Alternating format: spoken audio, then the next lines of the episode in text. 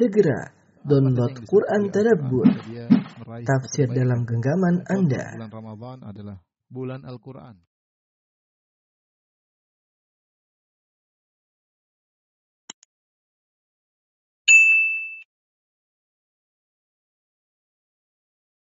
Assalamualaikum warahmatullahi wabarakatuh.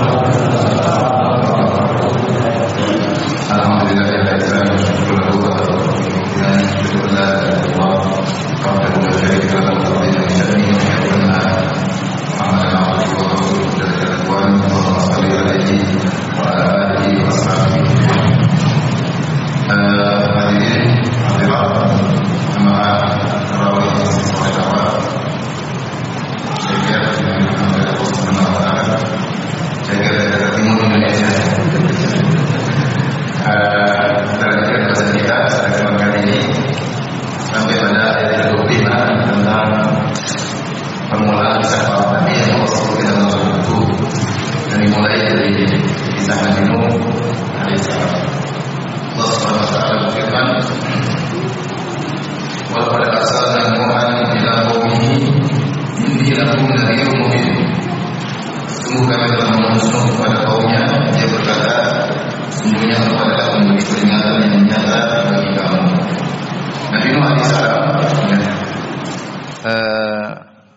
sebagaimana kita tahu Allah sebutkan beliau berdakwah selama 950 tahun.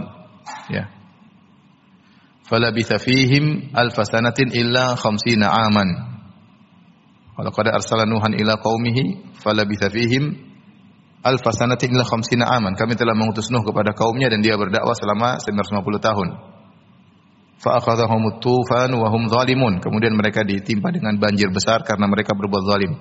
Nah, Nabi Nuh alaihissalam berdakwah 150 tahun. Khilaf kapan dia diangkat menjadi seorang nabi sebelum berdakwah. Ada pendapat mengatakan beliau diangkat ketika berusia 40 tahun. Kemudian uh, setelah kaumnya terkena banjir, beliau hidup 60 tahun. Jadi umur beliau 40 tahun plus 950 tahun plus 60 tahun. Totalnya 1050 tahun. 1050 tahun. Ini pendapat. Pendapat yang lain disebutkan oleh Al-Alusi dan juga dalam buku-buku tafsir yang lain. Ada yang mengatakan beliau baru diangkat menjadi seorang nabi setelah berumur 100 tahun. Ya, 100 tahun berarti umur beliau 100 tambah 950 tambah lagi setelah kaumnya binasa dia masih hidup lagi. Ada yang mengatakan beliau baru diangkat menjadi seorang nabi ketika berusia 250 tahun. Kemudian berdakwah 950 tahun. Kemudian setelah berdakwah kaumnya binasa, beliau hidup lagi 250 tahun. Jadi umur beliau 1450 tahun. 1450 tahun. Ini khilaf di kalangan para ahli tafsir. Tapi intinya yang jelas beliau berdakwah selama 950 tahun. Startnya kapan, berapa usianya? Setelah beliau meninggal berapa tahun juga tidak ada dalil yang tegas, hanya saja pendapat para uh, salaf ya. Dan beliau adalah awalur rasulin ila ahli al-ard. Rasul yang pertama yang Allah utus kepada uh, penghuni bumi. Sebagaimana dalam riwayat Ibnu Abbas radhiyallahu taala anhuma beliau berkata, "Baina Adam wa Nuh asyrat qurun." Antara Nabi Adam dan Nabi Nuh ada 10 generasi. 10 generasi, entah masing-masing generasi berapa tahun. Nabi Adam umurnya 900 960 tahun. Nabi Adam umurnya 960 tahun. Dia umurnya 1000 tahun tapi dia hadiahkan kepada Nabi Daud 40 tahun. Jadinya umurnya 960 tahun. Nah, antara Adam sampai Nuh ada 10 generasi. Masing-masing generasi kita tidak tahu berapa uh, umurnya, tapi generasi Nabi Nuh, Nabi Nuh sendiri umurnya sampai seribuan seribuan tahun. Uh, dan ketika itu tidak tidak ada rasul yang diutus antara Nabi Adam sampai Nabi Nuh. Baru diutus Nabi Nuh ketika terjadi kesyirikan. Oleh karena dalam Sahih Al-Bukhari ketika di padang mahsyar orang-orang berkumpul kemudian mereka mendatangi para nabi untuk minta syafaat agar Allah segera datang memulai persidangan. Maka mereka datang kepada Nabi Adam. Kemudian Nabi Adam minta uzur tidak bisa. Kemudian Nabi Adam berkata berkata idhabu ila Nuh. Pergilah kepada Nabi Nuh Akhirnya mereka pergi kepada Nabi Nuh alaihissalam, manusia waktu itu, dalam kondisi matahari jarak satu mil, kepanasan, keringat bercucuran. Mereka berkata, Ya Nuh, anta awalur rusuli ila ahli ardi atau anta awalur rasuli ila ahli ardi. Wahai Nuh, sungguhnya engkau adalah rasul yang pertama kali Allah utus kepada penghuni bumi. Waqad sammaka Allahu 'abdan syakura. Allah telah menamakan engkau dengan hamba yang uh, penyabar. Eh, hamba yang pandai ber, bersyukur. Uh, sampai sebagian ulama seperti Tahir bin Ashur dalam tafsirnya mengatakan ketika itu tidak ada syariat kecuali hanya tauhid. Tidak ada syariat kepada kaum Nabi Nuh kecuali hanya apa? Tauhid. Belum ada syariat-syariat lain, cuma tauhid. Ya. Jadi Nabi Nuh alaihissalam berbicara tentang tauhid. Allah sebutkan, walau kada arsalna Nuhan ila qaumihi inni lakum nadhirum mubin. Sungguh aku, sungguh kami telah mengutus Nuh kepada kaumnya dan dia berkata kepada kaumnya inni lakum nadhirum mubin. Seharusnya uh, kalau apa namanya urutan tata bahasa harusnya ini nadirun mubinun lakum. Sungguhnya aku ini pemberi peringatan yang nyata untuk kalian. Tetapi lakum didahulukan. Ini lakum nadirun mubin. Sungguhnya aku ini bagi kalian adalah pemberi peringatan yang nyata. Seakan-akan aku ini memang khusus buat kalian aja, tidak ada buat. Memang gak ada umat kecuali mereka. Jadi untuk mengingatkan kepada umatnya bahwasanya saya ini spesial untuk kalian. Saya tidak ada kerjaan lain mendakwahi orang lain kecuali untuk mendakwahi kalian saja. Inilakum nadhirun mubin.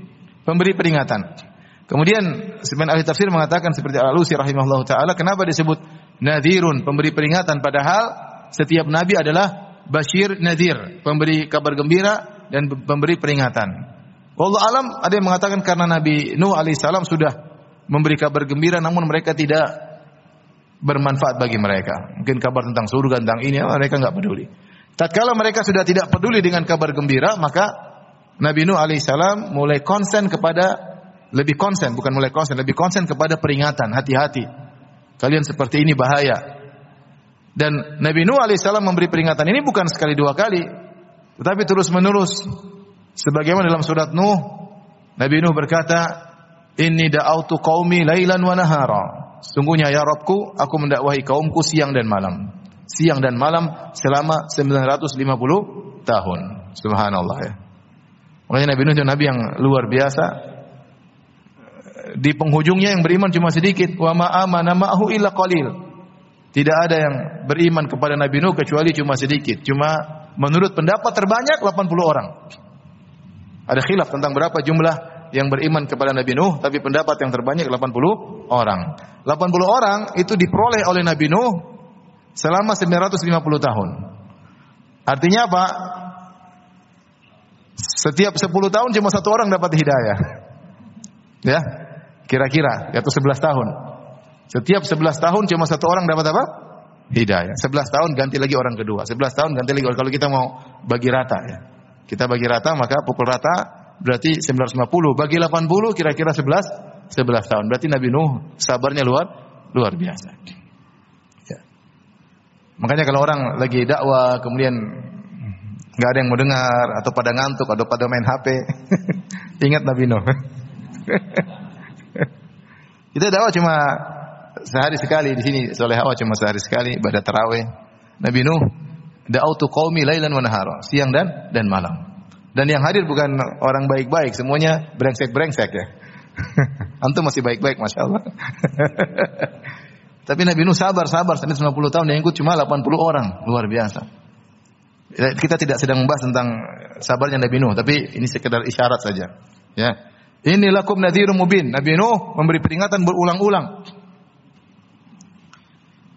Allah ta'budu illallah dan janganlah kalian yaitu agar kalian tidak beribadah kecuali hanya kepada Allah. Itu tauhid tauhid. Sampai tadi saya katakan Tahir bin Asyur dalam tafsirnya Tahir wa Tahrir wa Tanwir mengatakan tidak ada syariat Nabi Nuh yang Nabi Nuh dakwahkan kecuali apa? Tauhid. Kecuali tauhid. Inni akhafu alaikum adzab yaumin alim. Aku khawatir kepada kalian kalian akan ditimpa dengan azab di hari yang alim, itu hari yang muklim, yang memedihkan. Apa yang dimaksud dengan hari ini? Ada yang mengatakan maksudnya adalah azab akhirat. azab akhirat. Dan ini hukum asal Nabi Nuh mengingatkan azab akhirat. Beliau tidak berbicara tentang azab duniawi. Tapi ada pendapat lain mengatakan yang dimaksud dengan azabun alim maksudnya adalah banjir. Banjir. Tapi Allah alam bisawab, Nabi Nuh alaihissalam baru diingatkan atau diberitahu tentang akan terjadinya banjir eh, di akhir-akhir dakwah beliau. Di awal-awal beliau, beliau hanya peringatkan tentang azab hari apa? Hari kiamat. Sebagaimana Nabi Muhammad SAW di awal dakwah beliau ketika Nabi naik di atas Jabal Sofa, kemudian dia memanggil seluruh orang-orang Quraisy, paman-pamannya, ya Bani Abdul Muttalib, wahai paman-pamanku semua datang. Kemudian Nabi Nuh, Nabi Muhammad SAW berkata, ya, uh, kalau saya kabarkan kepada kalian di balik bukit ini ada pasukan yang akan menyerang, aku untuk musaddiqiyah, apa kalian akan benarkan aku? Maka mereka menjawab, tentu ya Muhammad. Ma jarrabna Ma jarrabnaka illa sidqan kami tidak mengetahui engkau kecuali engkau jujur. Ma jarrabna alaika kadiban kami tidak pernah mendapati engkau dusta sama sekali. Kata Nabi SAW setelah memberikan mukaddimah ini, kalau saya kabarkan, kalian tidak lihat di belakang gunung ini, kalian tidak lihat. Kalau saya katakan kepada kalian sekarang ini, kalian hadir, di belakangnya ada musuh akan menyerang, kalian membenarkan aku? Kata mereka, iya tentu. Kalau begitu, fa nadhiru azabun azaban baina yaday anni nadhiru nadhiru lakum baina baina yaday azabin syadid. Kalau gitu aku ingatkan kalian tentang azab yang pedih, maksudnya azab hari akhirat. Maksudnya harap azab hari akhirat.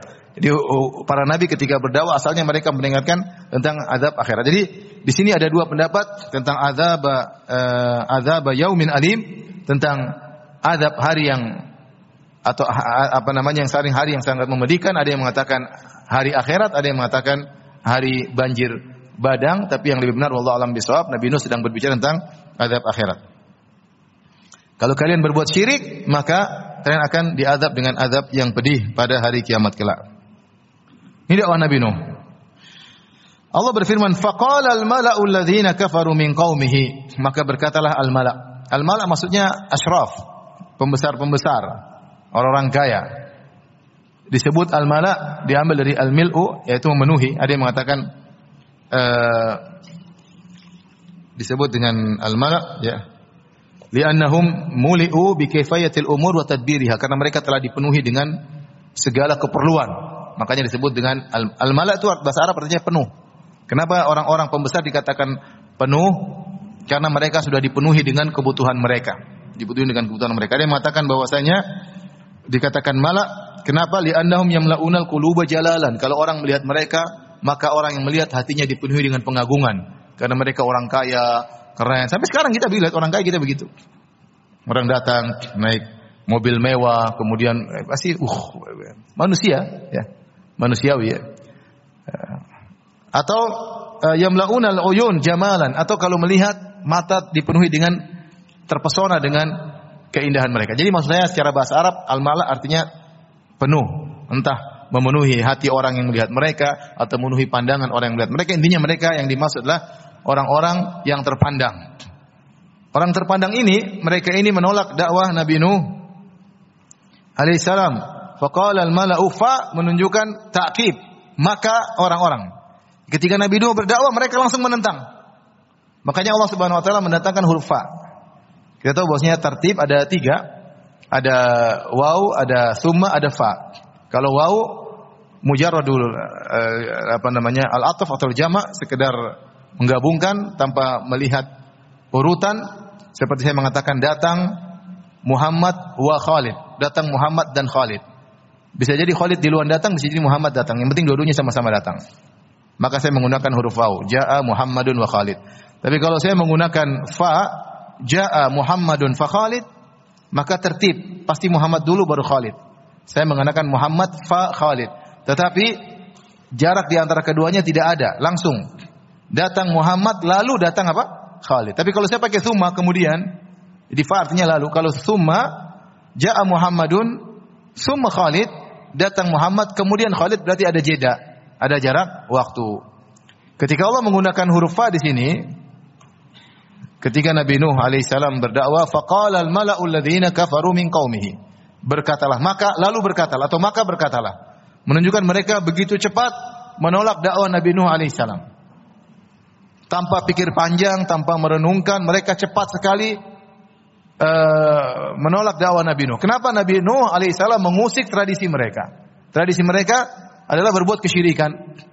Allah sebut dalam ayat yang lain, wa qalu la tadharuna alihatakum wa la tadharuna waddan wa la suwa'an wa la yaghutha wa ya'uq wa nasra. Mereka menyembah lima berhala. Wad, Suwa, Yaguth, Ya'uq, Nasr. Ini lima berhala orang soleh. Orang-orang soleh yang kemudian meninggal, kemudian dibuat berhala. Mereka menyembah berhala-berhala tersebut. Datang Nabi Nuh mengusik kebiasaan mereka yang menyembah berhala tersebut. Ketika tradisi mereka diusik, mereka langsung tidak terima, langsung spontanitas. Makanya Allah menggunakan fa. Biasa orang kalau punya tradisi diusik pasti apa namanya? tidak suka, langsung. Faqala al-mala'u alladziina kafaru, maka berkatalah pembesar-pembesar orang dari orang-orang kafir min qaumihi dari kaumnya Nabi Nuh. Mana raka illa basyaram mithlana. Maka mereka menolak dakwah Nabi Nuh dengan mendatangkan syubhat-syubhat. Ada beberapa syubhat yang mereka atau argumentasi atau alibi yang mereka sampaikan untuk menolak dakwah Nabi Nuh alaihissalam. Alibi yang pertama, mereka mengatakan, "Mana raka illa basyaram mithlana." Kami tidak melihat engkau wahai Nuh kecuali adalah manusia seperti kami, tidak ada bedanya. Kalau sama-sama manusia buat apa kami beriman? Ya. Mana raka illa basyaram mithlana. Artinya seakan-akan mereka mengatakan harusnya malaikat yang jadi utusan Tuhan. Kalau memang Allah kirim utusan harusnya malaikat, bukan manusia seperti seperti kita juga. Nah, kamu manusia seperti kami tidak pantas jadi utusan Tuhan isyarat bahwasanya mereka uh, mengatakan bahwasanya yang berhak menjadi rasul adalah malaikat. Tentunya ini adalah kebodohan. Ya. ya. Karena Allah mengutus rasul dari kalangan manusia agar mudah dicontoh. Laqad ja'akum rasulun min anfusikum azizun alaihi ma Telah datang seorang rasul dari diri kalian. Kalau rasul dari malaikat tidak bisa dicontoh. Kalau Rasul dari kalangan manusia, dia melakukan kegiatan manusia. Sehingga bisa dicontoh bagaimana kehidupan keluarganya, bagaimana ibadahnya, bagaimana ta'amulnya, muamalahnya dengan sesama manusia, bagaimana di rumahnya dengan keluarganya, ya. Bagaimana pandangannya terhadap kehidupan dunia, bisa dicontoh. Kalau malaikat ya nggak bisa. Kalau kana fil ardi malaikatun yamshuna mutmainnin Seandainya ada malaikat yang bisa berjalan di atas muka bumi seperti manusia, kami utus malaikat, tapi tidak ada. Ya. Oleh karenanya Allah memberikan rahmat kepada mereka dengan mengutus seorang rasul dari kalangan manusia, justru mereka minta dari kalangan malaikat. Tidaklah mereka mengemukakan alibi ini kecuali dalam rangka untuk menolak dakwah Nabi Nuh. Ini sekedar alibi saja. Yang penting tidak bisa Nuh, kamu manusia. Kami ingin Rasul malaikat. Ini syubhat yang pertama yang mereka sampaikan agar menolak dakwah Nabi Nuh. Yang kedua, wa ma naraka taba'aka illa alladziina hum aradiluna badiyar ra'yi. Dan kami uh, dan kami tidak melihat orang-orang pengikutmu kecuali hanyalah orang aradiluna, yaitu al, apa hum aradiluna adalah orang-orang alladzina hum aradiluna orang-orang hina. Dari arzal arzal artinya hina, dina, rendahan, orang miskin. Ya. Orang nggak punya apa-apa. Pengikut kamu orang, -orang miskin wahai Nuh. Badiyar ra'yi Badiyar ra'yi maksudnya yaitu hanya langsung terima tanpa pikir panjang. Badiyar ra'yi i'rabnya adalah zarfuz zaman. Zarfuz zaman. Jadi makanya dia mansub. Badiyar ra'yi itu mereka langsung terima mereka menerima dakwahmu badiyar ra'yi tanpa pikir panjang. Badiyar ra'yi ada dua pendapat. Ada yang mengatakan dari al-budu yaitu yang nampak begitu engkau Nuh menyampaikan dakwahmu mereka langsung terima mentah-mentah tanpa dipikir panjang. Yang nampak sepertinya seperti itu ya. Yang kedua dari kata al-bid' maksudnya mereka langsung terima awal mendengar tanpa pikir panjang. Intinya mereka ingin mengatakan, "Nuh, ngapain kami ikut kamu? Pengikutmu orang miskin dan orang bodoh." Yang beriman kepadamu tidak pikir panjang, langsung terima. Kalau kita enggak, kita mikir dulu, kita timbang dulu, kemudian kita tolak. Jadi mereka mengejek Nabi Nuh. Ini syubhat yang kedua. Yang ketiga, wa ma nara lakum alaina min fadl. Dan kami melihat engkau tidak ada kemuliaan di atas kami. Apa apa kelebihanmu Nuh kepada kami? Apa? Kaya kami lebih kaya. Terus apa kelebihanmu? Isyarat seakan-akan mereka ingin berkata kata sebagian ahli tafsir, seakan-akan mereka ingin berkata kalau memang ada rasul dari kalangan manusia, kami yang lebih berhak daripada kamu wahai Nuh. Karena kau tidak punya kelebihan apa dibandingkan kami. Kami yang lebih berhak untuk jadi rasul daripada engkau. Seperti perkataan kaum Samud. Abasyara minna wahidan nattabi'uh. Inna idzal lafi dhalali wa Kata kaum Samud, apakah kami harus ngikut satu orang soleh, Nabi soleh? Kita banyak ikut satu orang ini hasad. Ya. Kita lebih banyak. Kalau memang ada Nabi, kami yang berhak jadi Nabi, bukan soleh. Ya. Seperti perkataan orang musyrikin kepada Nabi Muhammad dan para sahabatnya, "Ahaula'i manallahu alaihim min bainina?" Apakah Allah Subhanahu wa taala beri anugerah kepada mereka sedangkan kami tidak? Kami lebih berhak. Abu Abu Lahab, Abu Jahal, Walid bin Mughirah, Utbah bin Rabi'ah, Syaibah bin Rabi'ah orang-orang top di kota Mekah. Masa Abu Bakar, Umar yang dapat hidayah bukan kami. Jadi mereka berisyarat seakan-akan kalau memang ada seorang rasul dari kalangan manusia, kami lebih utama jadi rasul daripada engkau wahai Nuh. Inilah syubhat-syubhat yang disampaikan oleh kaum Nabi Nuh untuk menolak dakwah Nabi Nuh alaihissalam. Yang terakhir kata mereka, bal nadhunnukum kadzibin. Bahkan menurut kami, kalian yaitu engkau Nuh dan pengikutmu semuanya adalah pendusta. Dusta aja.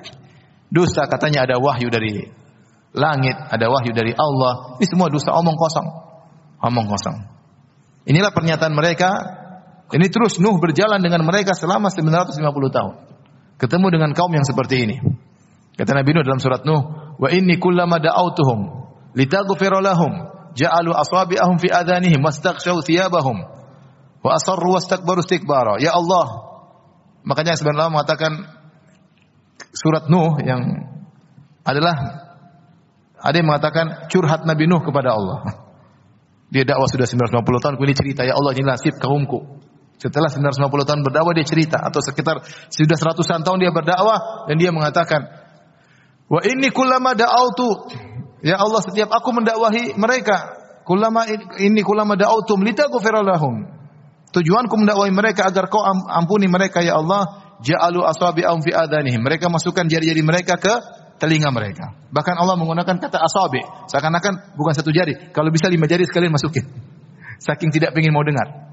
Ja'alu asabi'ahum fi adanihim. Wastakshaw thiyabahum. Tidak mau mendengar Nabi Nuh. Tutup kepala tidak mau lihat Nabi Nuh. Mereka tidak mau dengar, mereka tidak mau lihat.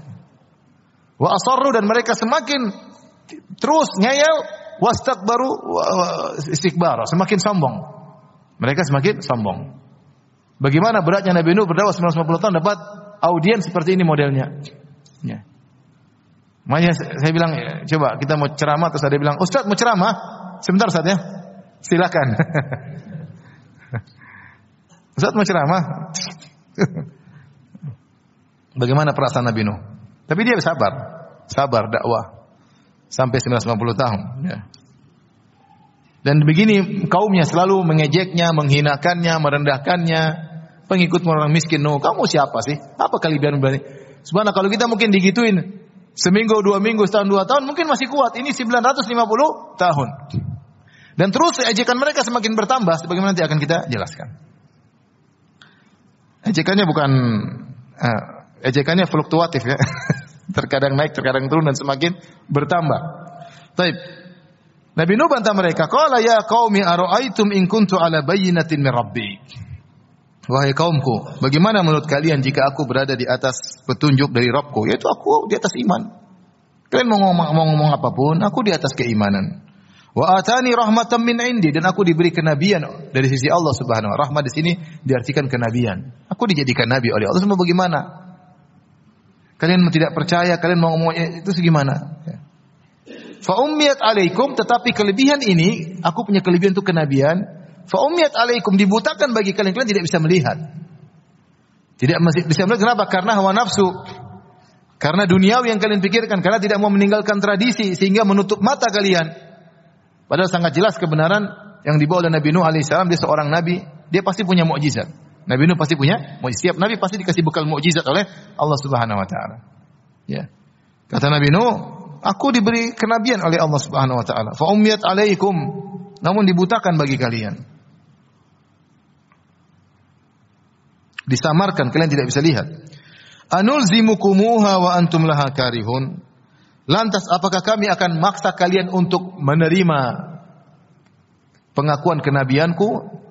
Kami maksa kalian wa antum laha karihun sementara kalian terus-menerus membenci akan hal ini. Di sini perhatikan ada faedah yang indah. Di sini Nabi Nuh mengatakan Nabi Nuh alaihissalam tidak berkata aulzimukumuha. Apakah aku maksa kalian? Tapi dia menggunakan huruf nahnu. Anulzimukumuha. Apakah kami akan paksa kalian? Yaitu Nabi Nuh meskipun pengikutnya dihina-hina sebagai orang miskin, orang bodoh, orang rendahan, tapi dia ketika ngomong dia mewakili dia dan pengikutnya. Dia mengatakan apakah kami, saya dan pengikutku memaksa kalian untuk beriman kepada aku yang tidak bisa. Kalau kalian sudah dibutakan bagaimana lagi? Tapi di sini Nabi Nuh ketika audiensnya dihina, dia tidak dia tetap mengangkat apa namanya audiensnya. Dia mengatakan tidak, kami bareng. Sehingga dia menganggap dia dan pengikutnya sebagai satu kesatuan.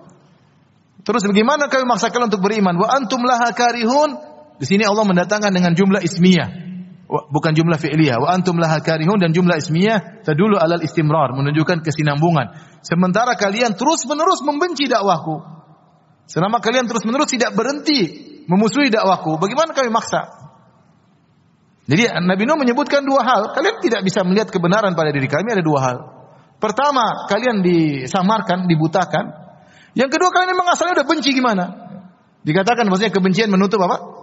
Ya, uh, apa namanya? Wa aina apa, apa namanya? Wa aina sukhti tubdil masawiya. Ya, namanya mata jelek itu pasti memunculkan keburukan-keburukan. Segala kebaikan tertutup, yang dilihat hanya ke keburukan. Kalau udah benci mau diapain? Mau bicara dalil seribu dalil udah benci tetapnya nggak mau. Ya. Tetap aja nggak bisa. Ini Nabi Nuh menjelaskannya. Bagaimana lagi? Kalian dibuat samar oleh Allah. Yang kedua, kalian bencinya tidak berhenti berhenti. Coba kalau kalian nggak berhenti mikir jelas, tenang, maka kalian mungkin bisa terima. Kemudian Nabi Nuh alaihissalam terus menjelaskan, "Wa ya qaumi la as'alukum alaihi mala." Wahai kaumku, aku tidak minta harta benda kepada kalian sebagai upah dari dakwahku. Jadi jangan kalian nyangka misalnya kita miskin, kita dakwah kalian orang-orang kaya supaya kita dapat uang dari kalian. Nah, kita tidak tujuannya itu. Dia jelaskan kami tujuannya bukan dunia. In ajriya illa Allah. Pahalaku di sisi Allah Subhanahu wa taala. Ini ada sindiran dari dari Nabi Nuh. Mereka nuduh Nabi Nuh seakan-akan ingin dapat harta, ingin mungkin menaikkan ekonomi para pengikutnya dengan mendai orang-orang kaya. Tidak ada. Kami dakwah kalian bukan karena itu, tidak ada. Ya. In ajriya illa Allah. Pahalaku di sisi Allah bukan dari kalian. Wa ma ana bitaridil amanu. Aku tidak bakalan mengusir orang-orang yang beriman. Kenapa Nabi ini mengucapkan ini? Seakan-akan orang-orang kaya tersebut berkata, "Wahai Nuh, kalau kamu ingin kami beriman kepadamu, itu orang miskin minggir dulu." Ya. Minggir dulu. Ya enggak enggak enggak nyambung kami duduk sama orang miskin. Jadi kelihatannya stratanya beda jauh. Ini mereka kaya-kaya, kemudian yang berikut yang beriman kepada Nabi Nuh orang miskin-miskin. Jadi mereka mengatakan kalau kamu kamu ingin kami beriman kepadamu, yang miskin-miskin usir dulu. Nabi Nuh tidak mau, dia bantah, dia mengatakan, "Wa ma ana bitaridil aman." Aku tidak bakalan. Tarid ini isim fa'il. Aku tidak bakalan, kalau bahasa kita, aku tidak bakalan mengusir orang-orang yang beriman. Nabi Nuh tidak mengatakan aku tidak bakalan mengusir pengikutku. Tapi dia mengatakan aku tidak bakalan mengusir orang yang beriman. Sekali lagi pujian kepada pengikutnya. Mereka orang beriman, mereka orang mulia. Bagaimana aku mau mengusir orang-orang yang beriman? Innahum mulaku rabbihim. Sungguhnya mereka akan bertemu dengan Rabb mereka pada hari kiamat kelak. Ya, biarin aja mereka. Mereka akan mendapat ganjaran di sisi Allah Subhanahu wa taala. Urusan mereka dengan Allah Subhanahu wa taala. Kalau kalian mengatakan sebagian tafsir mengatakan orang kaya mengatakan, "Eh Nuh, pengikutmu cuma pura-pura saja beriman kepadamu. Hanya pura-pura aja." Badia ya, ada yang mengartikan hanya pura-pura saja. Nabi Nuh berkata, "Kalau mereka pura-pura urusan mereka dengan Tuhan." Penting zahirnya mereka beriman, saya tidak akan musir, musir mereka. Walakinni arakum qauman tajhalun. Tapi menurutku kalian adalah orang-orang yang jahil, kalian yang bodoh, bukan bukan pengikutku yang bodoh. Kalian yang apa? Yang bodoh. Uh, ketika mereka mengejek kaum Nabi Nuh dengan mengatakan langsung terima tanpa pikir panjang, justru itulah kecerdasannya pengikut Nabi Nuh. Karena kalau kebenaran jelas, yang ngapain dipikir-pikir panjang? Kalau suatu hal yang benar ya langsung terima, justru yang mikir panjang itu yang bodoh. Kalau ada yang jelaskan satu tambah satu atau satu tambah satu tambah satu sama dengan tiga, ya udah langsung terima. Ngapain mikir? Tunggu dulu ya. Satu tambah satu tambah satu tambah tiga, tunggu saya mikir dulu. Berarti kamu bodoh kalau masih mikir. kalau kamu udah tahu satu tambah satu tambah satu sama dengan tiga, ya langsung, ya langsung terima, ya tiga. Jangan dipikir-pikir lagi. Kalau mikir-mikir lagi berarti kamu nggak nyambung apa? Tell me, telat apa? Telat mikir. Jadi orang-orang kaya ini menuduh pengikut Nabi Nuh bodoh langsung terima, justru sebaliknya. Kalian itu yang jahil, yang tidak bisa melihat kebenaran yang sangat jelas. Sudah jelas kenapa harus dipikir-pikir lagi? Walakinni arakum qauman tajhalun. Wa ya qaumi may yansuruni min Allah in tarattuhum. Wahai kaumku, siapa yang bisa tolong aku kalau aku mengusir audiens kepada pengikutku? Kalau Allah saya mengusir mereka, Allah akan mengirim azab kepadaku. Siapa yang kalian bisa tolong? Gak bisa. Ya. Afala tadhakkarun? Tidakkah kalian mengambil pelajaran? Wala aqulu lakum indi khazainullah. Sekali lagi. Nabi Nuh bantah, aku tidak menguasai perbendaharaan harta Allah Subhanahu wa taala. Aku tidak punya gudang-gudang kekayaan dari rezeki Allah Subhanahu wa taala. Tidak syarat seorang nabi harus kaya raya, harus punya rezeki yang banyak, harus punya ini ini ini kisah ini dibawakan oleh Nabi kepada Nabi Muhammad ketika Nabi Muhammad berdakwah di Mekah. Jadi syubhatnya kaum Nabi Nuh mirip-mirip syubhatnya Abu Jahal sama. Kemarin kan saya ceritakan Abu Jahal CS mengatakan Muhammad kalau kamu ingin kami beriman, jadikan Mekah jadi puncak Bogor kan? Harus kau punya harta, turun harta bagimu. Jadi mereka mempersyaratkan seorang nabi harus kaya raya. Kata Nabi, kata Nabi Nuh enggak. Ya. Wala aku lakum indi khazainullah. Aku tidak memiliki perbendaharaan kaya raya, perbendaharaan kekayaan Allah. Jadi kalau itu enggak bisa. Bukan saya tidak bisa. Kalau syarat kamu beriman kepadaku harus kaya, enggak. Itu bukan kekuasaan saya. Allah mau kasih kaya, mau kasih enggak kaya urusan urusan Allah Subhanahu wa taala. Wala alamul ghaib dan aku tidak tahu ilmu ghaib. Seakan-akan pengikut Nabi Nuh juga mempersyaratkan kalau kamu mau kita beriman kepadamu wahai Nuh, jelaskan tentang ilmu gaib. Kata Nabi Nuh, wala alamul ghaib. Aku tidak tahu ilmu gaib. Ini dalil bahwasanya hukum asal seluruh nabi tidak tahu ilmu gaib, hukum asal. Enggak tahu tentang terjadi apa yang terjadi besok. Nabi Muhammad SAW ketika ada uh, remaja-remaja wanita yang budak-budak yang memuji Nabi dengan berkata, "Wa fina nabiyyun ya'lamu ma fi ghad" dan di tengah-tengah kami ada seorang nabi yang tahu tentang apa yang terjadi besok, maka Nabi marah. Nabi tidak tahu. Yang bilang saya tahu apa yang terjadi besok, Nabi tidak tahu. Makanya ketika gerhana matahari, gerhana bulan atau ada terjadi gerhana, Rasulullah SAW ketakutan. Rasulullah SAW keluar, Rasulullah sangka hari kiamat. Sampai isbal, sampai sarungnya terjulur di tanah. Karena takut Rasulullah tidak tahu masa depan. Rasulullah SAW tidak tahu. Rasulullah SAW ketika cari Lailatul Qadar, Rasulullah SAW itikaf sampai sebulan pun dalam hadis Abi Sa'id Al-Khudri. Rasulullah SAW itikaf 10 hari pertama. Rasulullah menyangka Lailatul Qadar di 10 hari pertama. Ternyata kata Jibril alaihissalam, Innalladzi tatlubuhu amamak. Yang kau cari Lailatul Qadar masih di depan. Rasul itikaf lagi 10 hari kedua. Setelah selesai, kata Jibril yang kau cari masih di depan. Akhirnya Rasulullah itikaf sampai 10 hari yang terakhir. Rasulullah tidak tahu ilmu gaib. Dan banyak dalil terlalu banyak. Jangankan masa depan, masa sekarang saja waktu kalung istrinya hilang Rasulullah tidak tahu di mana kalungnya. Sampai Rasulullah SAW suruh para sahabat nyari. Ada Abu Bakar, ada Umar, ada Ali bin Abi Thalib, ada Usaid bin Hudair. Semua cari kalung istri Nabi. Semua tidak ada yang tahu. Kenapa? Karena kalung istri Nabi lagi ditindih sama onta ya. Ontanya juga nggak bilang-bilang di bawah sini ada kalung istrimu.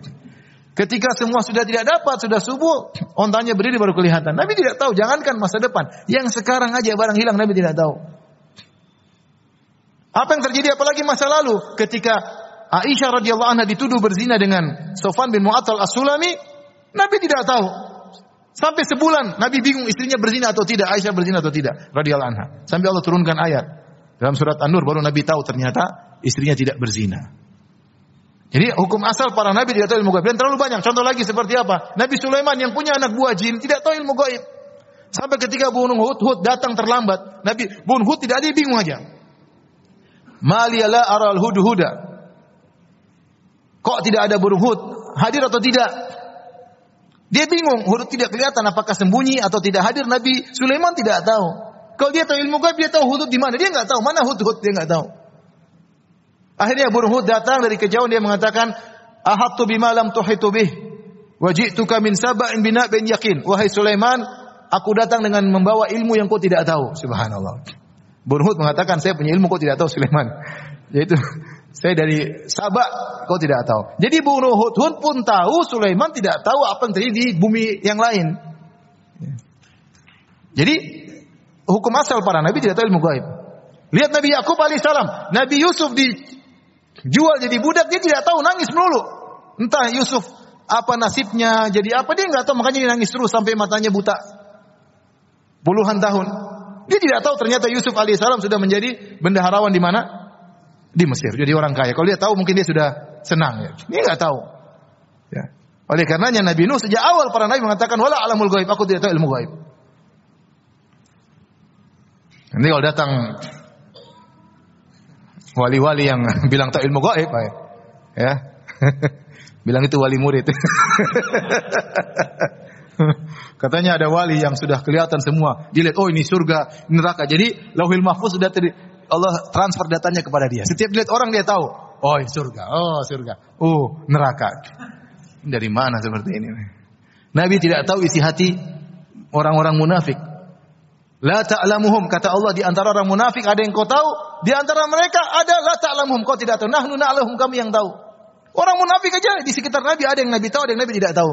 Kenapa kata Nabi ini lam Umar bitangkibi kulubin nas. Aku tidak diperintahkan untuk membuka hati manusia. Aku nggak tahu.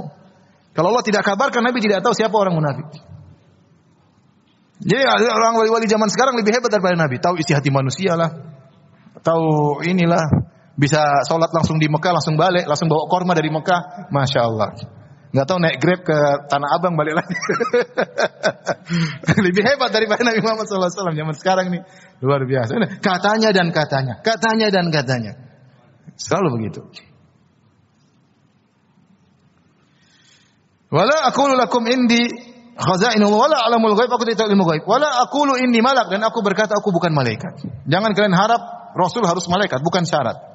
Saya kata-kata tadi justru nabi dari kalangan manusia itulah rahmat dari Allah. Kalau dari malaikat enggak bisa ditiru. Wala aqulu lil ladzina tazdari a'yunukum lan yu'tiyahumullahu khaira. Dan aku tidak berkata kepada orang-orang yang mata kalian, pandangan kalian merendahkannya, itu para pengikutku, lan yu'tiyahumullahu khaira bahwasanya mereka tidak akan diberikan kebaikan oleh Allah Subhanahu wa taala. Tidak. Kebaikan sesungguhnya bukan di dunia. Kebaikan sesungguhnya di mana di di akhirat. Ini inilah kiasnya kaum Nabi Nuh, mereka menganggap bahwasanya namanya orang kaya, pejabat pasti lebih jeli pandangannya, tidak harus. Mereka mandang kalau orang kaya pasti lebih jeli, lebih cerdas. Orang-orang miskin pasti bodoh, nggak punya duit pasti bodoh, nggak harus demikian. Betapa banyak profesor nggak punya duit. Betapa banyak orang bahlul jadi pejabat. Banyak, nggak mesti harus demikian ya. Ini tidak tidak harus apa namanya ke, kebenaran bukan dilihat daripada strata ekonomi enggak. Tapi dilihat daripada nilai uh, kebenaran tersebut dinilai bukan yang bawa orang kaya berarti benar kalau bawa orang miskin berarti salah enggak ada seperti itu. Yang bawa pengikutnya banyak berarti benar, pengikutnya sedikit pasti salah enggak ada seperti itu bukan seperti cara barometer menilai kebenaran tidak ilmiah. Tidak akademisi kalau caranya begitu. Jadi uh, Lan yu'tiyahumullah khair. Aku tidak akan mengatakan bahwa orang-orang miskin ini tidak akan diberikan kebaikan oleh Allah Subhanahu wa taala. Allah mau kasih kebaikan urusan Allah. Allahu a'lamu bima fi anfusihim. Allah lebih tahu tentang apa yang dalam diri mereka wahai kaumku. Yang jelas mereka mengikutiku, kalau mereka tulus dalam beriman, Allah akan kasih beri kebaikan. Tapi aku tidak tahu isi hati mereka. Aku tidak mungkin mengatakan mereka tidak bakalan diberi kebaikan atau mereka pasti diberi kebaikan karena itu terkait dengan iman yang sesungguhnya. Tapi zahirnya mereka jadi pengikutku dan mereka orang beriman. Allah a'lamu bima fi anfusim. Allah lebih tahu tentang apa yang dalam hati mereka. Inni idzal laminal zalimin. Kalau aku mengatakan mereka tidak bakalan dapat kebaikan berarti aku telah berhukum dengan hukum yang ngawur dan aku termasuk orang yang zalim terhadap terhadap mereka. Baik, demikian saja kajian kita. Insyaallah kita lanjutkan pada kesempatan yang lain. Demikian, wabillahi taufik. Assalamualaikum warahmatullahi wabarakatuh.